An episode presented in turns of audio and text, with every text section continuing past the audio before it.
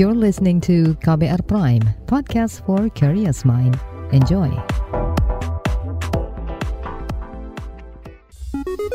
Saatnya Anda dengarkan Ruang Publik KBR yang dipersembahkan oleh Yayasan Kemitraan Indonesia Sehat YKIS didukung oleh AIDS Healthcare Foundation dan Kementerian Sosial Republik Indonesia. Halo selamat pagi saudara, kembali lagi Anda mendengarkan Ruang Publik KBR bersama saya Rizal Wijaya dipersembahkan oleh Yayasan Kemitraan Indonesia Sehat YKIS dan didukung oleh AIDS Health Foundation dan Kementerian Sosial. Tema kita hari ini adalah kebangkitan anak muda melawan epidemi HIV. Kalau berbicara soal HIV, HIV AIDS ini masih menjadi masalah kesehatan global. Bahkan Badan Kesehatan Dunia WHO pada 2019 menyatakan bahwa HIV AIDS tercatat sebagai penyebab kematian 32 juta orang di dunia dan di Indonesia diperkirakan orang yang hidup dengan HIV ini mencapai 500 ribu jiwa pada 2020. Dan Kementerian Kesehatan Republik Indonesia mencatat presentasi kumulatif AIDS tertinggi pada kelompok umur 20 hingga 39 tahun yaitu 63,1 persen. Artinya 6 dari 10 penderita AIDS adalah kelompok usia muda dan usia produktif. Di lain pihak, kaum muda milenial yang jumlahnya mencapai sekitar sepertiga dari jumlah penduduk Indonesia, eh, ini juga menjadi sasaran strategis untuk mencegah dan menanggulangi infeksi HIV. Mereka dapat menjadi agen informasi dan agen perubahan yang akan membawa masyarakat dalam paradigma yang lebih sehat dalam menyikapi HIV/AIDS. Lalu, bagaimana sih peran serta anak muda untuk melawan epidemi HIV dan apa saja kegiatan dilakukan untuk merangkul sesama anak muda di usia produktif untuk mencegah penularan HIV. Kita akan obrolin lebih dalam ya bersama dua orang narasumber. Ini anak-anak muda semuanya yang sudah terhubung secara virtual pagi hari ini. Saya akan sapa terlebih dahulu. Yang pertama, Mas Dolfi Rumampuk selaku koordinator program YKIS Yayasan Kemitraan Indonesia Sehat. Selamat pagi Mas Dolfi. Halo, selamat pagi Mas Rizal. Selalu sehat ya Mas Dolfi. Sehat selalu. Seger banget kayaknya kelihatannya pagi hari ini. Kayaknya habis jogging Harus. atau habis olahraga gitu ya. betul betul betul. Oke, dan yang kedua saya juga akan menyapa Mbak Fitriana Kusaini, seorang aktivis Universitas Negeri Jakarta. Selamat pagi Mbak Fitri. Halo, selamat pagi Mas Rizal. Selalu sehat juga Mbak Fitri. Alhamdulillah. Nggak kalah cerianya dari Mas Dolfi. Senang deh kalau eh, saya pagi-pagi ketemu dengan eh, teman-teman yang menebar senyum gitu ya. Jadi kitanya ikut ini tertular. Lupa dengan segala masalah gitu loh. Baik, dan pagi ini kita ngobrolin soal kebangkitan anak muda melawan epidemi HIV. Nah, ini menarik sekali ya. Tapi sebelumnya eh, ke Mas Dolfi terlebih dahulu nih. Eh, tadi di awal kan saya sudah sedikit memaparkan data dari WHO dan Kemenkes ya terkait HIV/AIDS ini. Lalu dari YKI sendiri nih, ada nggak sih mungkin tambahan sepu- informasi seputar yang anda ketahui tentang situasi epidemi HIV/AIDS di Indonesia ini? Seperti apa nih, Mas Dolfi? Oke, baik, terima kasih Mas Rizal. Jadi untuk saat ini aku sih eh, mengutip dari laporan yang dikeluarkan setiap eh, triwulan ya dari setiap eh, dari Kementerian Kesehatan. Eh, untuk saat ini jumlah kumulatif HIV dari 2005 sampai Juni 2021 itu ada sekitar 436.948 yang di mana estimasi ODA adalah 543.100. Jadi dari estimasi 54 543.100 ini eh, dari sampai Juni 2021 ada 436.948 orang dengan HIV AIDS. Lalu bagaimana sih dengan kelompok muda, Mas? Eh, Lalu kelompok muda saat ini eh, angkanya cukup besar, Mas. Ada di angka 19,1 persen, yang di mana range wak- eh, range umur atau usianya itu 15 sampai 24 tahun. Jadi ada di angka 19,1 persen itu menurut kami sebagai eh, lembaga yang bergerak di eh, pencegahan HIV ini cukup besar gitu mas. Hmm. Jadi persentase 19,1 ini cukup besar. Lalu bagaimana sih eh, lalu eh, persentase penularan HIV di di eh, di Indonesia? Yang pertama itu ada dari heteroseksual mas seperti uh, WPS, wanita penjajah seks atau pria penjajah seks juga. Lalu ada homoseksual dan ada penasun. Lalu di heteroseksual itu ada di angka 29,6 persen menjadi penyumbang terbanyak untuk uh, penularannya. Lalu ada homoseksual itu ada 17,7 persen, lalu ada penasun itu pengguna jarum uh, nafas suntik bersama 4,1 persen. Seperti itu Mas Rizal. Oke, ini uh, data terbaru ya tahun 2021. Mm-mm, Nah, betul. sebenarnya kalau kita breakdown lagi ke belakang dari tahun ke tahun, ini sebenarnya angkanya seperti apa sih? Apakah eh, ada pengurangan atau justru ini semakin bertambah? Oke, eh, kalau kita lihat eh, dari ke belakang gitu dari tahun ke tahun, eh, di tahun 2020 sampai 2021 ini eh, angkanya menurun, eh, Mas Rizal. Hmm. Tapi jangan, tapi jangan mengira menurun karena tidak ada penularan atau apa ya, karena epidemi COVID ini, eh, pandemi COVID eh, membuat penjaringan, eh, penjangkauan ke setiap ataupun tes itu eh, berkurang gitu. Jadi Hmm. eh, menurun karena tes yang dilakukan eh, terhambat karena adanya pandemi COVID di 2020 sama 2021 ini. Jadi bukan karena Seperti tidak itu. ada penularan sama sekali ya atau berkurang ya penularannya menurun, tapi justru karena ada impact salah satu eh, dampak dari COVID-19 akses kesehatan jadi terhambat seperti itu kali ya. Betul betul banget. Oke.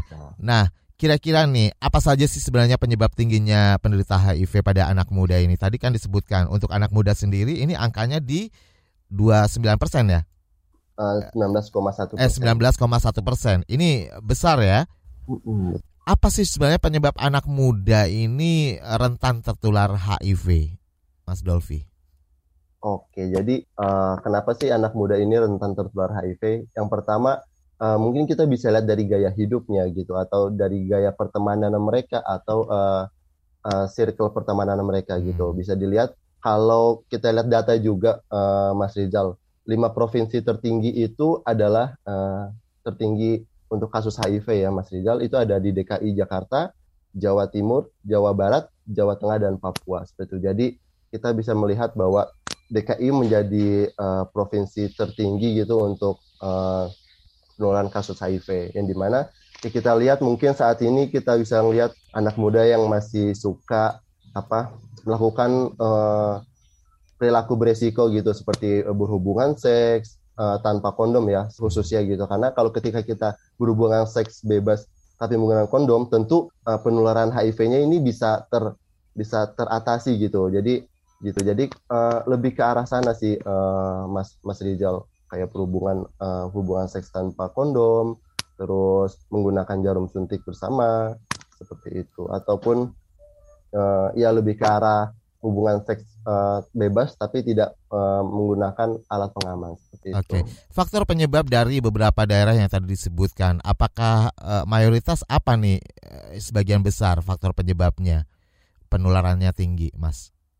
Oke. Kira-kira. Eh, selain dari eh, gaya hidup atau pertemanan bisa juga dari eh, pendidikan gitu. Jadi Hmm. eh, informasi-informasi eh, HIV ini masih belum mereka dapatkan seperti itu juga. Jadi eh, bagaimana sih cara penularan HIV gitu? Apakah eh, apakah berciuman eh, apa namanya ber- berciuman eh, menularkan HIV atau kita berhubungan badan menggunakan HIV? Ya seperti itu hal-hal Hmm. eh, informasi atau pendidikan dasar terkait HIV AIDS ini yang belum mereka dapatkan ataupun eh, kurang mereka dapatkan seperti yang tadi eh, pendidikan SMP, SMA Hmm. seperti itu. Jadi emang pendidikan juga menjadi sebuah apa ya eh, ujung tombak untuk eh, ujung tombak untuk eh, meningkatkan meningkatkan, pengetahuan, betul, kesadaran di masyarakat ya. Betul betul Pak. Jadi eh, pendidikan juga perlu di eh, dari SMP, SMA itu perlu kita eh, kuatkan lagi lah Oke. Rizal. Ini agak ironis karena kan memang eh, di era digital sekarang informasi segala informasi bisa kita dapatkan dengan mudah tapi di sisi lain justru eh, untuk akses informasi seputar HIV AIDS ini sendiri masih terkendala gitu ya. Mungkin eh, dibutuhkan bener agen perubahan anak-anak muda ya nggak sih? Untuk menebarkan informasi ke circle terdekatnya, ke teman-teman komunitasnya seperti Mbak Fitri kali ini ya nggak sih. Nah kalau dari kacamata Mbak Fitri nih sebagai seorang aktivis pencegahan HIV/AIDS ya, nah ini sebenarnya apa sih yang yang yang awalnya ya boleh diceritakan? Awalnya apa yang membuat Mbak Fitri tertarik nih untuk uh, fokus di pencegahan HIV/AIDS ini sebagai anak muda loh ya. Jarang-jarang kan Mas Dolfi ya? Iya betul. Oke, jadi uh, yang buat saya tertarik nih ya untuk terjun aktivis HIV ini kan awalnya tuh dari uh, organisasi di kampus gitu loh Mas. Jadi aku tuh di kampus di UNJ ikut organisasi yang namanya PIKR, Pusat Informasi dan Konseling Remaja gitu kan. Nah, uh, dalam pusat informasi dan konseling remaja ini uh, isinya itu tentang mengedukasi gitu, gimana kesiapan kehidupan uh, berencana buat uh, para remaja gitu kan, dari kesehatan reproduksi gitu kan. Uh, intinya generasi berencana banget lah gitu kan, genre banget gitu. Nah, dari situ kami belajar gitu kan kesehatan reproduksi dan lain sebagainya. Dan pada kesempatan organisasi itu juga, uh, PIKR pernah bekerja sama dengan YEKIS juga sebagai uh, media partner. Nah, dari situ uh, tertarik banget lah untuk mendalami uh, ilmu tentang HIV ini. Hmm. Nah, di semester 6 ini uh, kebetulan ada program magang dan sebelumnya udah pernah media partner sama YEKIS, jadi oh ya udah di YEKIS aja gitu, makin dalam gitu, relate dengan prodi kami, pendidikan kesejahteraan keluarga hmm. dari organisasi sampai ke tempat magangnya. Jadi uh, di tempat magang ini banyak banget kita uh, mendapat uh, ilmu ya. Jadi bukan hanya sekedar kerja aja, tapi kita juga uh, seperti kuliah nyatanya hmm. gitu loh terjun lapangan seperti apa sih ini HIV di uh, kalangan masyarakat dan remaja gitu kan uh, dan kita juga nggak hanya belajar tentang HIV tapi tentang juga uh, gay atau prostitusi gitu hmm. banyak banget lah kita belajar di sini kan uh, nah untuk uh, fokusnya di kegiatan kami ini di uh, YEKIS ini kita lebih mengedukasi tapi mengikuti perkembangan zaman gitu hmm. di uh, kalangan anak muda kan jadi ya, relate gitu selama, ya. Iya bener banget. Jadi bukan hanya kita bikin buku nyebar ke anak muda gitu. Yang sekarang lagi trendingnya apa gitu loh di anak muda. Ya media sosial gitu kan. Anak muda siapa sih yang nggak megang HP atau gadget Betul. atau internet itu nggak bisa lepas lah intinya kayak gitu. Jadi uh, yang sekarang lagi trending apa ya kita edukasi masuknya ke ranah itu gitu sesuai okay. perkembangan zaman gitu kan. Yang jangan-jangan jangan-jangan Mbak Fitri gitu. juga ini salah satu tiktokers nih. Aduh. jadi ketahuan deh. oh, gitu kan bener. Oke boleh dilanjut. iya jadi uh, sekarang yang lagi trending itu Instagram, TikTok gitu ya. ya. ya. jadi daripada anak muda scroll scroll yang joget-joget gak jelas gitu kan. Jadi kita masuk ke ranahnya itu kita edukasi. Uh, tapi secara menyenangkan bukan yang membosankan hmm. cuman tulisan doang gitu kan tapi benar-benar yang kita buat games kita buat konten kita buat tanya jawab gitu okay. loh sehingga anak-anak tuh tertarik juga untuk uh, menjawab pertanyaan itu dan kayak wah oh ternyata gini toh gini toh gitu jadi konten edukasinya juga uh, bisa dilihat ya di Instagram atau TikToknya Yekis okay. gitu Okay, lebih jadi, lebih ringan penyampaiannya dan akhirnya iya, pesannya bener. nyampe gitu ya betul sih uh, karena nggak yang tegang muda, gitu anak muda sekarang tuh kalau untuk baca-baca panjang kali lebar tuh udah males duluan gitu loh jadi yang singkat padat jelas dan benar-benar targetnya tuh tersampaikan okay. gitu loh. Nah, ini menarik. Sebagai anak muda, biasanya kalau ngomongin soal uh, kesehatan seksual, kesehatan reproduksi, soal itu ya, ini biasanya kan masih dianggap tabu. Apa yeah. ah lu anak muda gitu kan? Eh, nggak boleh ngomongin soal ini ya gitu kan biasanya nih stigma-stigma di masyarakat juga masih sangat kental. Nah, uh, Anda merasakan nggak sih pertama misalnya ketika mau uh, terjun sebagai aktivis HIV/AIDS ini yang urusannya soal seksualitas, reproduksi, hmm. pertama mengalami hal seperti itu nggak stigma dari masyarakat misalnya atau hmm. dianggap tabu? Uh, Pertama dapat sih kayak misalkan kita awal masuk itu kita dikenalin sama alat kontrasepsi yang namanya kondom. Hmm. Pasti uh, orang tua nanya uh, kan pasti di, dikasih tahu kan Fitri kamu ngapain mainan kondom gitu kan? Kamu ngapain pegang kondom gitu? Kamu bukan waktunya gitu kan? Jadi eh bukan bu, jadi gini. Ya gimana orang tua zaman dulu tuh masih apa ya belum bisa menyampaikan gimana anak-anaknya padahal kita Iya. udah dewasa dan harusnya Betul. tahu gitu kan. Oke. Jadi eh, kita kasih tahu nih eh, video yang kita buat konten untuk YouTube, oh kayak gini toh eh, kondom tuh buat alat kontrasepsi bukan Ah. buat mainan gitu kan. Terus kita juga jadi tahu ini kondom tuh teksturnya kayak begini toh. Gimana sih cara makeinnya gitu. Ah. Gimana sih pendapat anak muda kalau kondom ini tuh eh, buat apa gitu. Oke. Eh, nggak sembarangan orang beli juga gitu. Jadi kita banyak banget lah dapat edukasi Baik. tentang kondom. Ini tantangannya pasti banyak ya Iya, untuk anak muda banyak. apalagi ya sih. Nah, kita Iya. nanti akan kupas lebih dalam lagi. Saya akan kembali setelah jeda iklan berikut ini. Masih Anda dengarkan Ruang Publik KBR yang dipersembahkan oleh Yayasan Kemitraan Indonesia Sehat YKIS didukung oleh AIDS Healthcare Foundation dan Kementerian Sosial Republik Indonesia.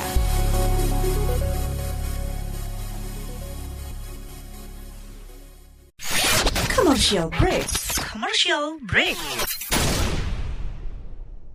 Walah, ada OTT lagi nih. Bro, udah nunggu dari tadi ya? Sorry, sorry, macet. Bentar, bentar. Ini ada apa nih di Surabaya? Ini penting nih. Hoax apa bukan ya info ini? Mantengin timeline apa sih? Seru amat, jadi lari sore nggak nih?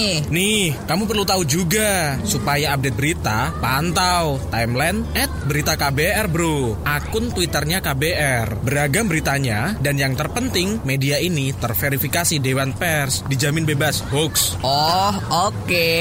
Terus rencana olahraga sore jadinya hoax nggak nih?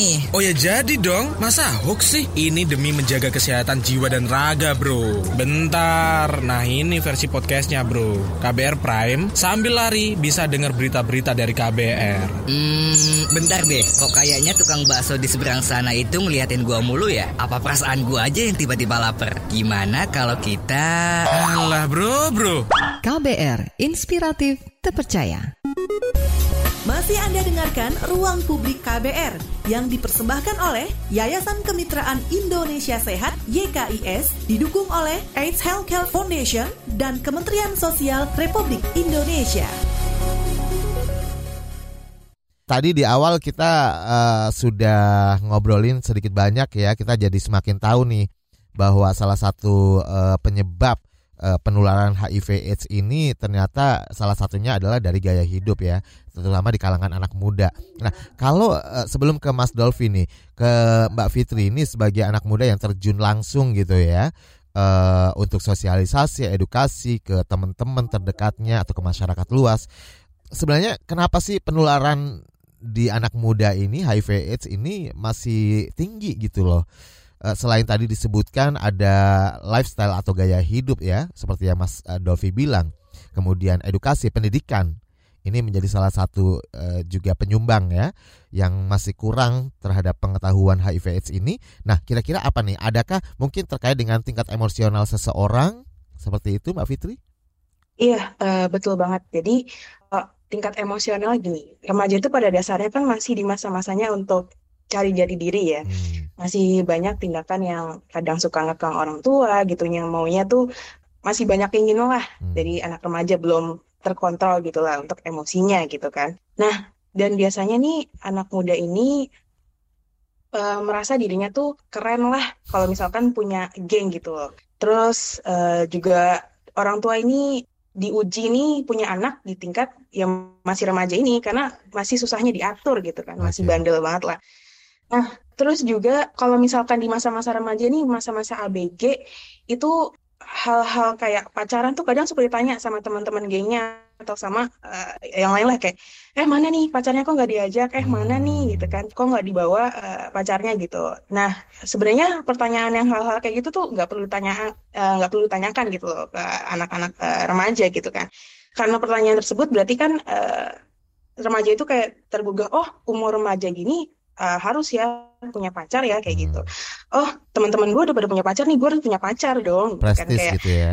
gaya-gayaan gitu loh mas kayak cuman buat mamerin doang gitu Hmm. nah biasanya eh, di masa-masa pacaran tuh adalah eh, kalanya tuh orang bosan gitu dan maunya lebih dan eh, mengikuti hawa nafsu lah gitu Hmm. yang tadinya cuma pegang-pegangan tangan yang tadinya cuma cium kening tuh jadi uh, mengarah ke hal-hal negatif gitu. Nah, uh, kalau misalkan udah begitu kan, hmm, kalau bosan lagi, ntar ganti lagi, cari lagi gitu kan. Jadi masih emosinya belum terkontrol dengan baik itu ya karena penyebab uh, salah satu penyebab dari penyebaran uh, HIV itu adalah uh, seks bebas. Nah, karena itu emosinya belum bisa terkontrol, jadinya ya masih sana sini cumplang-cumplang gitu loh mas jadi ya itu salah satu juga penyebaran dari IMS itu gitu loh mas hmm. Masih belum bisa mengontrol emosinya okay. gitu dan bebasnya juga Eh, nggak uh, pakai alat uh, pengaman seperti itu. Jadi hmm. mudah banget lah untuk uh, penyebaran IMS uh, HIV itu gitu. Berarti emang ini bener banget ya kalau tadi Mas Dolvi bilang bahwa circle pertemanan seseorang anak muda terutama nih ini bakal berpengaruh juga ya. Sangat berpengaruh. Sangat berpengaruh.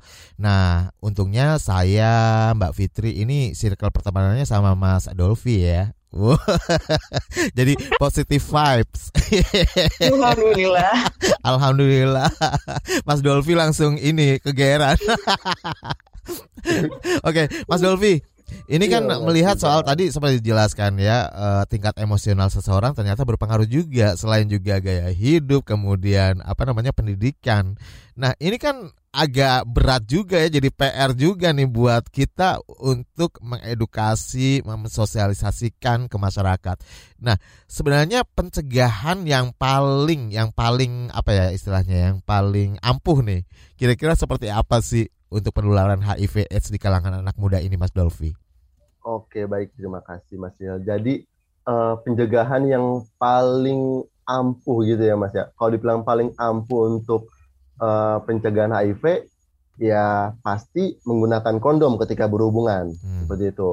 Jadi supaya tidak terjadi penularan HIV atau transmisi uh, virus HIV uh, dari tubuh ke dari tubuh setiap pasangan seperti itu. Tapi di sisi lain uh, yang paling penting adalah kita bisa uh, memproteksi diri seperti itu, memproteksi diri untuk yang uh, memproteksi diri untuk tidak berhubungan sebenarnya seperti itu. Jadi hmm. kita menjauhi bagi menjauhi uh, perilaku beresiko tersebut seperti kayak berhubungan seks ya kita kita kita apa namanya tidak kita dekati lah seperti itu karena kan di dalam uh, agama kita masing-masing pun uh, setiap agama juga uh, apa mengajarkan. tidak mau tidak uh, tidak mengajarkan untuk berhubungan uh, sebelum adanya uh, apa namanya pernikahan seperti itu Betul. ada hubungan status yang jelas seperti itu jadi uh, ya lebih baik uh, ketika yang lebih baik adalah kita tidak berhubungan seks, tapi ketika kita sudah berhubungan seks, ya kita harus uh, menggunakan uh, kondom sebagai alat kesehatan dan kebersihan. Uh, stigma uh, persepsinya adalah seperti itu, Mas Riza. Oke, okay. nah ini perlu digarisbawahi ya buat pendengar terutama anak-anak muda, bukan Mas Dolvi uh, mengajak untuk uh, berbuat se uh, seks oh. gitu ya, tapi berhubungan seks tapi memakai kondom jika sudah berhubungan seks gitu sebagai pengaman sebagai alat kontrasepsi juga ya baik dan uh, ini tadi menarik juga lewat media sosial edukasi sosialisasi dilakukan oleh Mbak Fitri dan teman-teman ya nah ini kontennya seperti apa sih kalau boleh tahu aku belum ngecek sih sebenarnya nanti aku follow deh langsung tapi follow back ya siap ujung-ujungnya fallback. Gak apa-apa mas, biar okay. makin banyak temen. Yes, kontennya seperti apa yang udah dilakukan? Misalkan uh, awal kita bikin untuk yang konten Instagram itu ada uh, tanya jawab terkait HIV gitu. Hmm. HIV itu apa sih kepanjangannya? Terus HIV itu ada obatnya nggak sih? Tuh. Terus gimana sih cara penyebarannya HIV? Karena masih banyak eh, stigma-stigma uh, yang masuk tuh HIV dijauhin terus uh, tempat makan nggak boleh barengan gitu kan. Hmm. Padahal penyebarannya itu bukan karena itu gitu, bukan karena nyamuk juga gitu, masih masih banyak yang tabu lah. Jadi kita uh, kontennya itu semacam uh, tanya jawab di video gitu. Jadi kalau misalkan salah dikasih tepung gitu, itu kan lagi hmm. tren banget ya sekarang ya mas. Terus okay. juga uh, penyebaran penyebaran di feed Instagram juga, terus juga kita IGTV, terus juga tanya jawab di Snapgram juga gitu. Jadi mengundang perhatian anak muda lah itu untuk di Instagram. Nah kalau untuk di YouTube kita deskripsiin terkait uh, alat kontrasepsi kondom itu hmm. gitu. Oh gitu keren keren keren makin penasaran nih ayo buat teman-teman nih yang lagi dengerin boleh uh, akun Instagramnya akun TikToknya apa nih boleh disebut atau YouTube channelnya At Yekis, Yekis ya Mas ya, Mas Ya? Yekis underscore official. Yekis Nah, iya underscore official ya untuk semua akun. Sama Ya, namanya. Betul. Sama. Betul. Sama, Sama ya. semua. Oke, langsung di follow, langsung di subscribe dan like and comment ya, share juga, biar Betul. biar makin menyebar ya nggak sih? Oke, Iya, nah siap. ini ada pertanyaan dari Aditya Rahman terkait HIV bisa terdeteksi setelah beberapa tahun sih sebenarnya.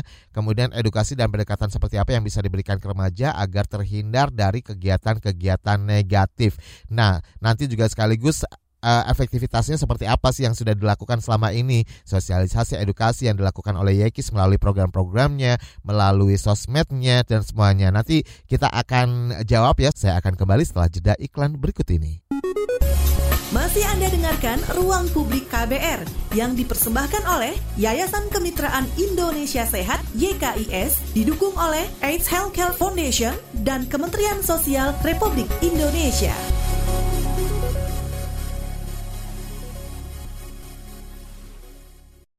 Banyak banget pertanyaan yang sudah masuk melalui live chat YouTube Berita KBR dan Mas Dolfi selaku koordinator program YKIS serta Mbak Fitriana uh, Kusaini aktivis aktivis UNJ gitu ya. Ini pasti sudah siap menjawab beberapa pertanyaan yang tadi sebelum jeda juga sudah saya uh, bacakan dan ada beberapa pertanyaan yang agak-agak mirip juga saya akan bacakan lagi dari Wikan dari Bekasi. Bagaimana model kampanye dan edukasi yang efektif untuk melawan epidemiologi HIV ini khususnya untuk masyarakat di pedesaan atau di daerah tertinggal. Nah, kalau daerah tertinggal ini mungkin agak-agak spesial juga ya karena kan untuk internet mungkin jaringannya belum begitu seleluasa kita yang ada di eh, kota gitu kan. Oke.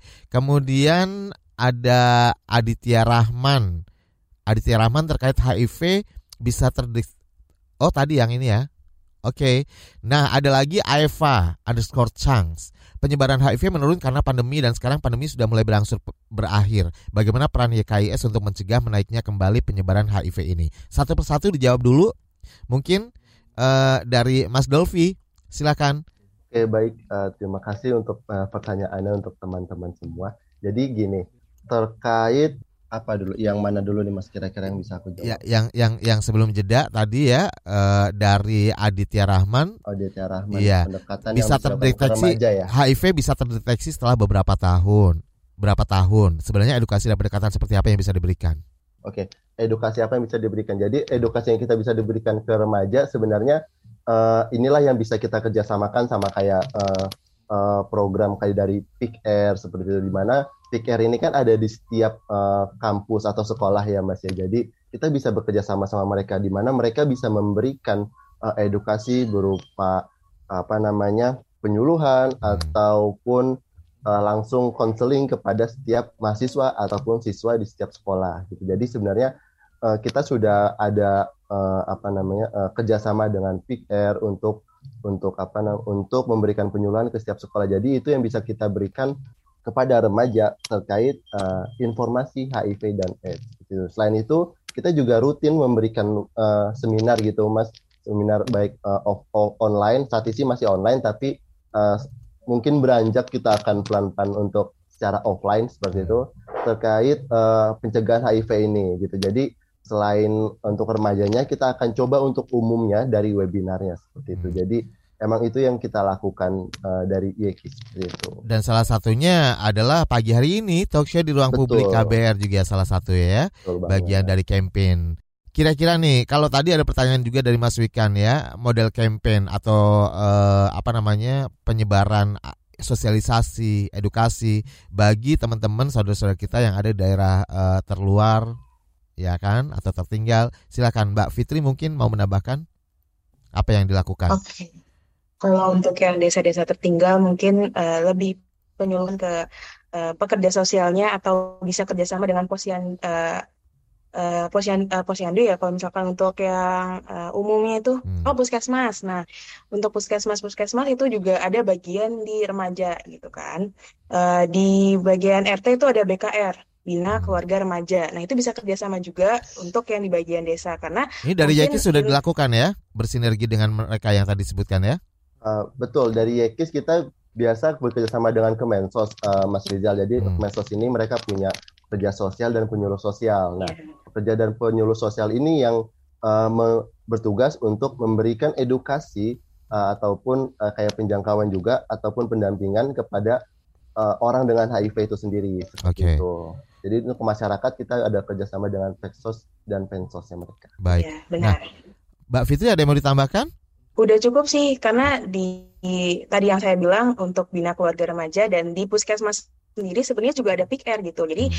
lebih ke masyarakat. Jadi PIK R itu terbagi atas tiga, ada universitas, eh, sekolah-sekolah, SMP, SMA, dan puskesmas gitu. Jadi Oke. penyuluhannya lebih ke langsung, secara langsung. Kalau internet kan mungkin belum secanggih yang di kota gitu. Hmm. Paling tambahannya itu sih, Mas. Baik. Dan sebelum menjawab pertanyaan dari Eva underscore Chang tadi ya men- mengenai penyebaran HIV menurun karena pandemi dan sekarang pandemi sudah mulai berangsur berakhir. Bagaimana peran Yekis untuk mencegah menaiknya kembali penyebaran HIV ini? Kita sudah terhubung dengan penelpon. Ada Jimmy di Jakarta. Selamat pagi Jimmy. Selamat pagi. Silakan Jimmy. Ya, eh, mau nanya kan tadi kan eh, saya dengar guys besarnya eh, salah satu penyebab HIV adalah seks, be- seks bebas nih, eh, Mas gitu. Mau nanya aja untuk lebih gimana sih tipsnya untuk mencegah kan lebih ke pornografi nih gitu. Kan sekarang tuh banyak banget konten-konten yang bawa-bawa pornografi. Ini cara mencegahnya dari pribadi itu supaya eh, bisa apa eh, nggak berpikir seperti itu gitu Oke. ke pornografinya itu gitu loh maksudnya. Terima kasih Jimmy. Oke. Siap. Boleh dijawab terlebih dahulu pertanyaan yang melalui live chat YouTube tadi ya, Mas eh, Dolvi. Oke, jadi bagaimana sih peran Yekis untuk mencegah penyebaran HIV untuk dua- setelah pandemi ini? Setelah pandemi. Eh, eh, betul, setelah pandemi. Eh, yang kita lakukan ialah masih sama, masih dalam artian kita masih melakukan pencegahan melalui edukasi berupa seminar, radio talk show seperti ini, terus penyuluhan eh, ke setiap eh, sekolah ataupun ke universitas melalui eh, bekerjasama dengan PIKR masih seperti Hmm. itu. Dan dan yang pasti kita juga tetap eh, menggunakan sosial media karena sosial media saat ini menjadi kayak pusat informasi eh, lebih cepat gitu di sosial media gitu daripada kayak di majalah di koran seperti itu. Jadi kita coba tetap menggunakan sosial media Instagram YouTube Hmm, eh, TikTok pun kita sudah merambah ke sana Oke. seperti itu jadi jadi eh, kita masih ke arah sana dan dan itu aja sih sebenarnya Oke. Kalau dari Jimmy tadi pertanyaannya Mm-mm. boleh dijawab sekalian Mas Dolvi. kalau untuk dari eh, terima kasih Mas Jimmy untuk pertanyaannya Eh, untuk konten pornografi yang sering kita lihat di eh, sosial media sebenarnya ini lebih ke arah kita eh, tadi yang sudah saya bilang memproteksi diri atau memilah informasi yang kita terima. Berarti kembali ke personal masing-masing ya. betul sekali Mas. Jadi bagaimana kita bisa memilah informasi yang kita terima karena eh, insta- eh, sosial media ini semua informasi pasti masuk gitu ke Betul. dalam gadget kita, ke dalam sosial media kita. Tapi bagaimana kita bisa eh, memilah hal tersebut gitu. Jadi eh, tergantung kitanya juga.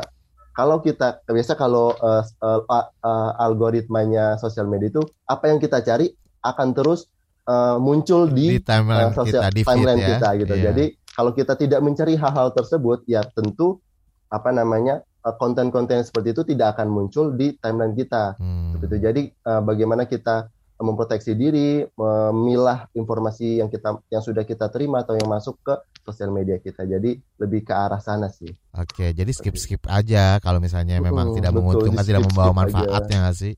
Oke. Betul, betul. Berikutnya ada Agus di Tobelo terhubung kembali. Selamat pagi Mas Agus, untuk Mbak Fitri dan eh, Mas Dolvi. Mas Dovi kan eh, ini saya punya pertanyaan Eh, bagaimana cara agar supaya kita bisa terhindar dari penyakit HIV dan eh, mengapa sampai penyakit HIV itu bisa ada Pak begitu Udah itu aja Ya, Pak, Pak. Agus. ya oke terima kasih Pak Ya terima kasih. Silakan Mas Dolvi. Boleh langsung tanggapin. Oke, baik terima kasih Mas Agus ya tadi ya. Ya. Iya, oke. Eh, tadi bagaimana eh, penyakit eh, virus HIV ini bisa ada? Lalu yang kedua Mungkin lebih ke penularannya ya. penularannya. Oke. Iya. Bagaimana sih kita mencegah penularannya? Yang Iya. pertama kita tidak berhubungan seks. Yang pertama itu abstinence. Kita tidak menggunakan, kita tidak berhubungan seks. Terus yang kedua adalah eh, bagaimana kita ketika berhubungan seks menggunakan kondom. Seperti itu. Jadi ketika kita sudah kita sudah memproteksi nih untuk tidak berhubungan seks, tapi ternyata kita kecolongan dalam artian kita ah ternyata tidak akhirnya berhubungan seks tapi ya, yang penting adalah kita harus menggunakan kondom. Yang ketiga adalah bagaimana kita tidak menggunakan uh, jarum suntik ataupun tidak menggunakan narkoba khususnya jarum suntik secara bersama. Nah itu yang menjadi inti bagaimana kita tidak tertular uh, ataupun menjadi pencegahan uh, eh, HIV itu sendiri. Hmm. seperti itu. Lalu yang itu yang yang terakhir adalah kita setia dengan pasangan kita. Jadi ketika kita sudah punya pasangan, kita tidak berganti pasangan, yaitu dengan setia dengan pasangan sehingga tidak menularkan ke pasangan kita. Oke. itu. Boleh nggak sih dianalogikan ke misalnya betul. kalau pemakaian kondom ini dengan naik motor ya pakai helm gitu? Ah betul banget. Jadi ya betul banget. Jadi kayak kita uh, sedia payung dulu nih sebelum hujan intinya gitu sih. Jadi kita sudah jaga-jaga untuk tidak uh, tertular karena ketika kita sudah tertular, kita sudah ter, sudah sudah terdeteksi virus HIV, itu kita harus melakukan pengobatan. Oke, jadi eh, sama juga halnya dengan kita vaksin COVID-19 gitu ya. Hmm. Bukan menjamin tidak tertular, tapi ya memang buat jaga-jaga itu, just in case. Ya sih. Oke, okay. dan masih banyak pertanyaan yang harus dijawab, tapi saya juga penasaran nih. Nah, kalau uh, ada atau anak muda atau siapa pun deh ya yang tertular HIV. Kira-kira bagaimana seharusnya sikap orang tua, keluarga terdekat atau teman-temannya? Ini sikapnya harus seperti apa sebenarnya? Tapi jangan dijawab sekarang, kita jeda terlebih dahulu. Masih Anda dengarkan Ruang Publik KBR yang dipersembahkan oleh Yayasan Kemitraan Indonesia Sehat YKIS didukung oleh AIDS Healthcare Foundation dan Kementerian Sosial Republik Indonesia.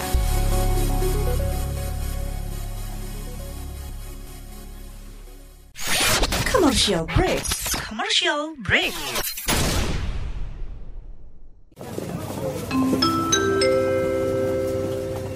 Mohon perhatian.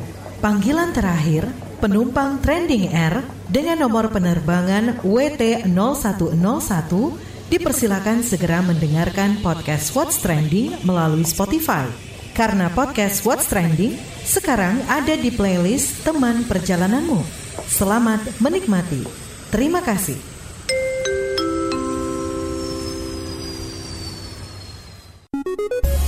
Masih Anda dengarkan Ruang Publik KBR yang dipersembahkan oleh Yayasan Kemitraan Indonesia Sehat YKIS didukung oleh AIDS Healthcare Foundation dan Kementerian Sosial Republik Indonesia.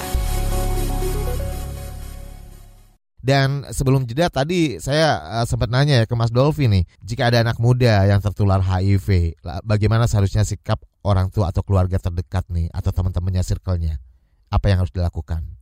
Ya, uh, sebenarnya ini yang paling penting sih Mas. Jadi ketika uh, teman-teman kita atau saudara-saudara kita khususnya remaja yang tertular uh, yang terinfeksi HIV, uh, yang paling penting adalah uh, keluarga bisa menerima gitu. Jadi kalau di Yekis kita punya program uh, penerimaan sosial HIV di keluarga yang di mana uh, pendekatan keluarga yang paling kita utamakan. Emang sulit mas, emang sulit uh, ketika uh, keluarga mendengar salah satu anggotanya terinfeksi HIV. Tapi ketika hal tersebut uh, berhasil ter apa, apa namanya uh, diterima oleh keluarga itu menjadi dorongan ataupun dukungan yang sangat berarti bagi orang dengan HIV tersebut yang di mana orang dengan HIV tersebut pasti akan tetap hidup dengan normal, kualitas hidupnya tetap tinggi, seperti itu. Jadi yang paling penting, yang paling utama adalah keluarga. Bagaimana keluarga itu bisa uh, menerima menjadi anggota support keluarga system yang ya. terinfeksi HIV betul banget mas. Oke bukan malah menjauhi penolakan dan sebagainya menjadi support system itu yang diharapkan sebenarnya ya mas Dolvi ya.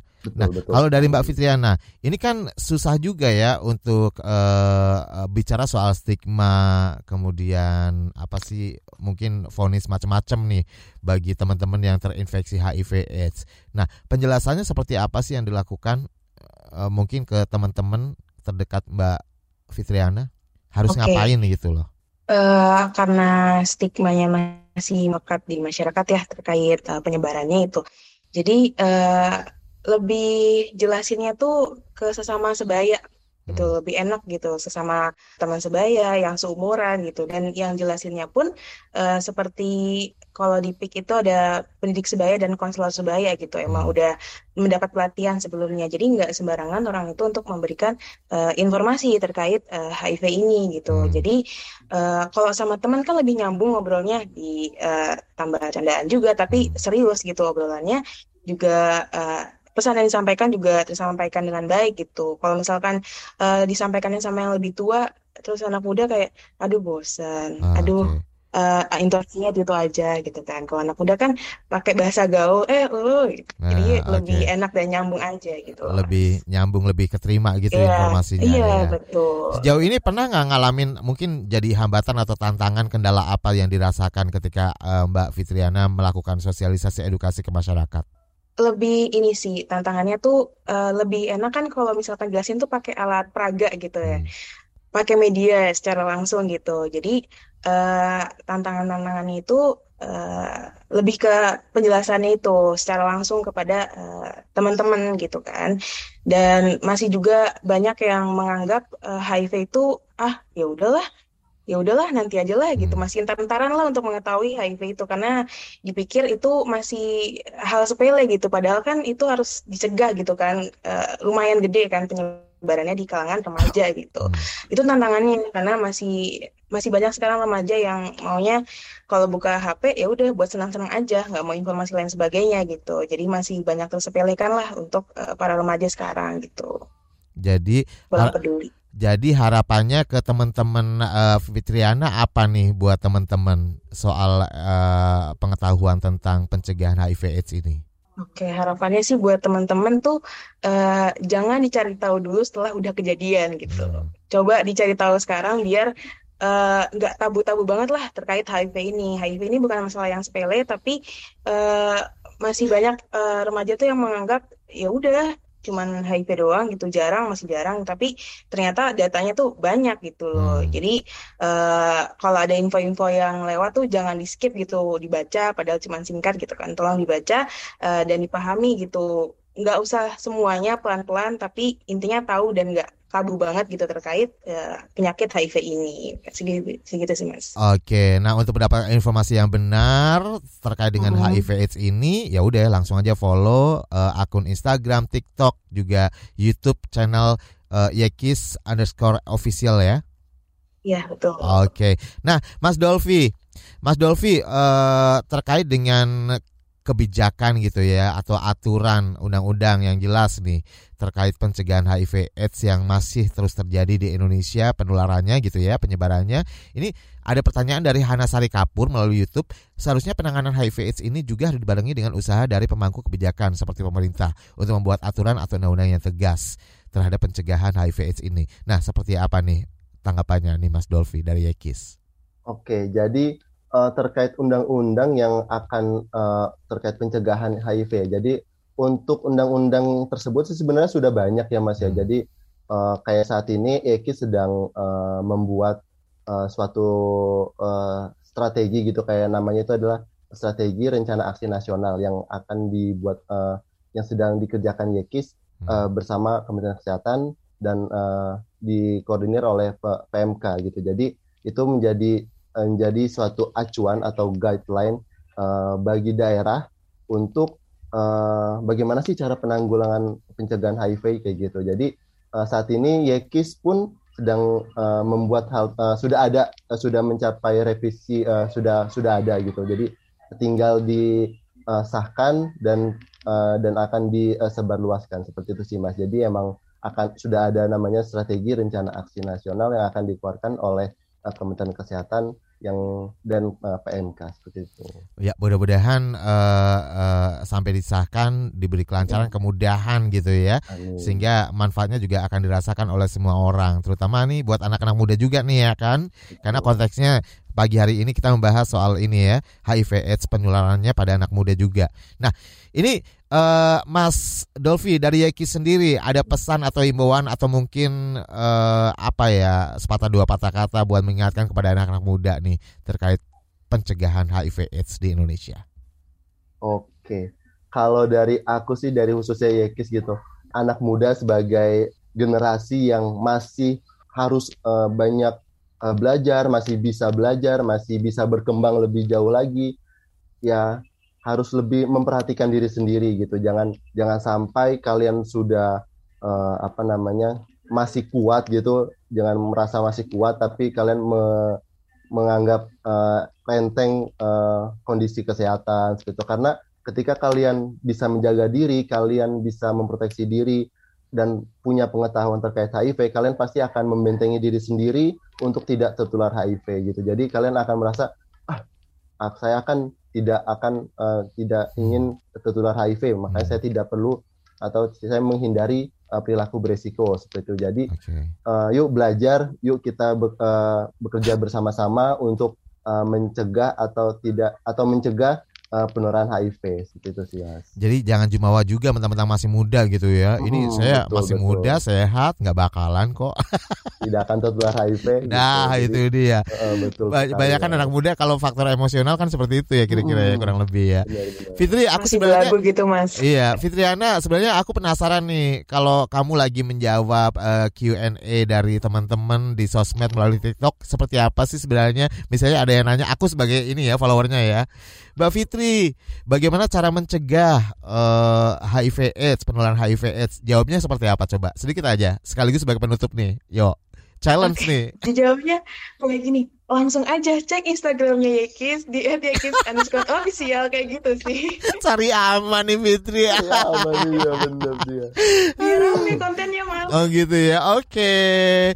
Thank you buat semuanya Mbak Fitri juga Mas Dolvi atas waktunya menarik banget ngobrol-ngobrol pagi hari ini seru juga mudah-mudahan pesannya juga sampai kepada masyarakat sama anak-anak muda ya. Pokoknya kita cegah penularan HIV AIDS di Indonesia. Dan saya Rizal Wijaya harus pamit. Terima kasih. Salam. Baru saja Anda dengarkan Ruang Publik KBR yang dipersembahkan oleh Yayasan Kemitraan Indonesia Sehat YKIS didukung oleh AIDS Healthcare Foundation dan Kementerian Sosial Republik Indonesia. KBR Prime, cara asik mendengar berita. KBR Prime, podcast for curious mind.